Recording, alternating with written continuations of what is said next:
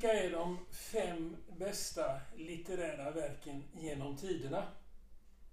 Kan man ställa en sån fråga? Eh, I de verken att räkna med Hosseinis trilogi om Afghanistan och afghaner, Flyga drake, Tusen strålande solar och Bergen svarade. Har vi H.C. Andersens sagor där? Dante, Goethe, Hemingway eller rent utav den amerikanske deckarförfattaren Connolly med sina 20 böcker om polismannen Bosch vars valspråk är svårt att glömma. Everybody counts och nobody counts. Alla räknas, annars räknas ingen. Nej, man kan nog inte säga så. Men vi gör ett försök. På femte plats. Vi går till England. Detta fantastiska litteraturland med så många böcker att läsa och så många goda författare. Vi lämnar 2000-talet. Vi lämnar 1900-talet och går till 1800-talet, men inte till Thomas Hardy, inte till systrarna Brontë eller Jane Austen och inte till Dickens. Vi väljer Middlemarch av författaren George Eliot eller Marianne Evans som hon egentligen hette. Middlemarch är en fiktiv stad någonstans i Midlands i England. Boken har ett persongalleri, ett stort persongalleri, ett myller av människor vandrar igenom sidorna. Och man diskuterar, och hon diskuterar väldigt många olika problem. Kvinnans status, syn på äktenskapet, religionsfrågor, samtida politik och samtida läkarvetenskap. I centrum bland alla dessa personer som läsaren möter står den föräldralösa hjältinnan Dorotea och också läkaren Lidgate. Båda med ett påtvingade, misslyckade äktenskap. Dorotea anser sitt äktenskap misslyckat när hon märker att hennes man inte är henne intellektuellt jämbördig. Det finns en episod i boken som jag har svårt att glömma. Läkaren Lidgate är falskeligen, ska jag säga, lite anklagad för ekonomiskt fiffel. Han har försökt rentvå sig, men misslyckats. Och han vänder sig till den naiva, uppriktiga, ärliga Dorotea och redogör för sitt problem. Dorotea tittar på honom och säger Dr Lidgate, jag tror på er. Och Lidgate brister nästan ut i tårar av lycka. Är inte det ord man gärna skulle vilja höra själv i sitt eget lilla liv? Jag tror på er.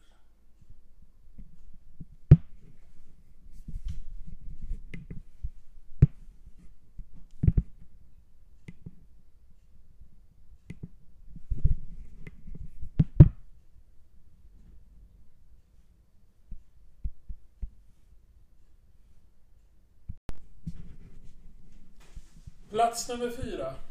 Vi går till Amerika och den amerikanska drömmen. Möss och människor av John Steinbeck. Det är ju egentligen en förskräcklig bok. George och Lenny, som huvudpersonerna heter, har en dröm om ett bättre liv. De har ett projekt tillsammans. Men drömmen går i kras och George måste skjuta Lenny till döds för att rädda honom från ett värre öde i slutet av boken. Som mössens gångar trampas sönder av människofötter krossas de båda huvudpersonernas dröm obarmhärtigt av livet. Och så går det väl för många av oss, av de drömmar vi har. Ändå är man på något underligt sätt lite glad vid läsandet av boken. Drömmen finns där och drömmar kommer alltid att finnas. Utan drömmar är livet svårt. Plats 3. Animal Farm av George Orwell. En hejdlöst rolig bok. Med sin nidteckning av stalinismen. Tänk att ett litterärt verk så faktiskt kan besegra en politisk ideologi.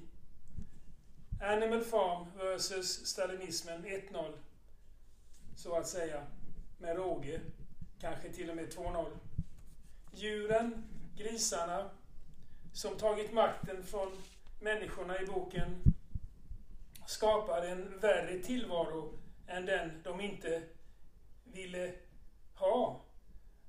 Allt i stalinismens anda. Boken är full av odödliga uttryck. Det mest odödliga. All animals are equal, but some animals are more equal. Alla djur är likvärdiga, men några djur är mer likvärdiga.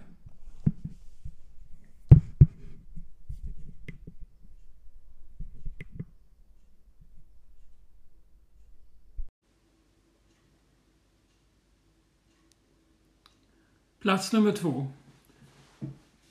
Processen av Kafka. Huvudpersonen Josef K är i boken anklagad för något. Josef K själv förstår inte vad det är han är anklagad för. Men känner allt eftersom handlingen fortskrider en obestämd skuld för något. Och så småningom accepterar han faktiskt denna skuld. Och i slutscenen förs han ut till ett stenbrott och dödas. Den här skuldkänslan känner vi väl alla igen. Det är som om vi gjort något felaktigt fast vi inte riktigt kan förstå vad. Men eh, skulden är svår att skaka av sig och vi accepterar den. Hur kan vi befrias? Just före avrättningen händer något märkligt och jag citerar. Hans blickar föll på översta våningen i det till stenbrottet gränsande huset. Som ett ljussken flamma till så for två fönsterhalvor upp där borta. En människa, tunn och bräcklig, så långt borta och så högt uppe, böjde sig med ett ryck och sträckte fram armarna ännu längre. Vem var det? En vän? En god människa? En som kände medlidande? En som ville hjälpa? Var det en enskild? Var det alla? Ja, hur kan vi befrias? Vem friar från skuld? Kanske den andra människan.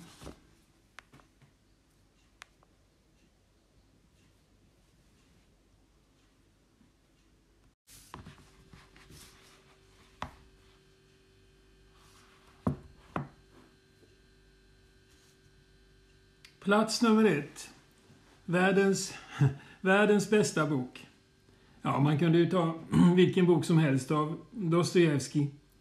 Brott och straff till exempel, eller Bröderna Karamazov. Men jag väljer Idioten. Idioten, huvudpersonen, heter egentligen först Myshkin, kallas för Idioten. Han lider av fallande sjuka eller epilepsi. Först Myshkin är en ovanligt god människa som istället för att döma andra försöker förstå handlingar och personer, även de onda. Hans absolut starkaste sida är att han alltid tar människor på allvar. Inget flum där inte. Varje samtal blir just ett ordentligt samtal. Kommunikation på allvar. Det är väl därför man som läsare älskar honom. Ytliga samtal är inget för honom. Men tyvärr, människorna och tiden är inte mogna för honom och mot slutet återfaller han in i sin sjukdom. Vi kan alla lära av Myshkin. Ta språket på allvar. Samtalet är det bästa vi har för förståelse av våra medmänniskor.